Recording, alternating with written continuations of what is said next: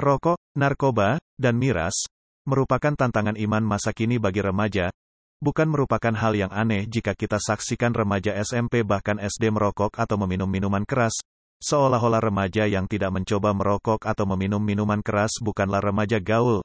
Pemahaman ini sangatlah keliru. Ukuran gaul bukanlah mampu melakukan hal-hal yang menyimpang. Remaja gaul adalah ketika kamu dapat berteman dengan semua orang tanpa memandang latar belakang perbedaan.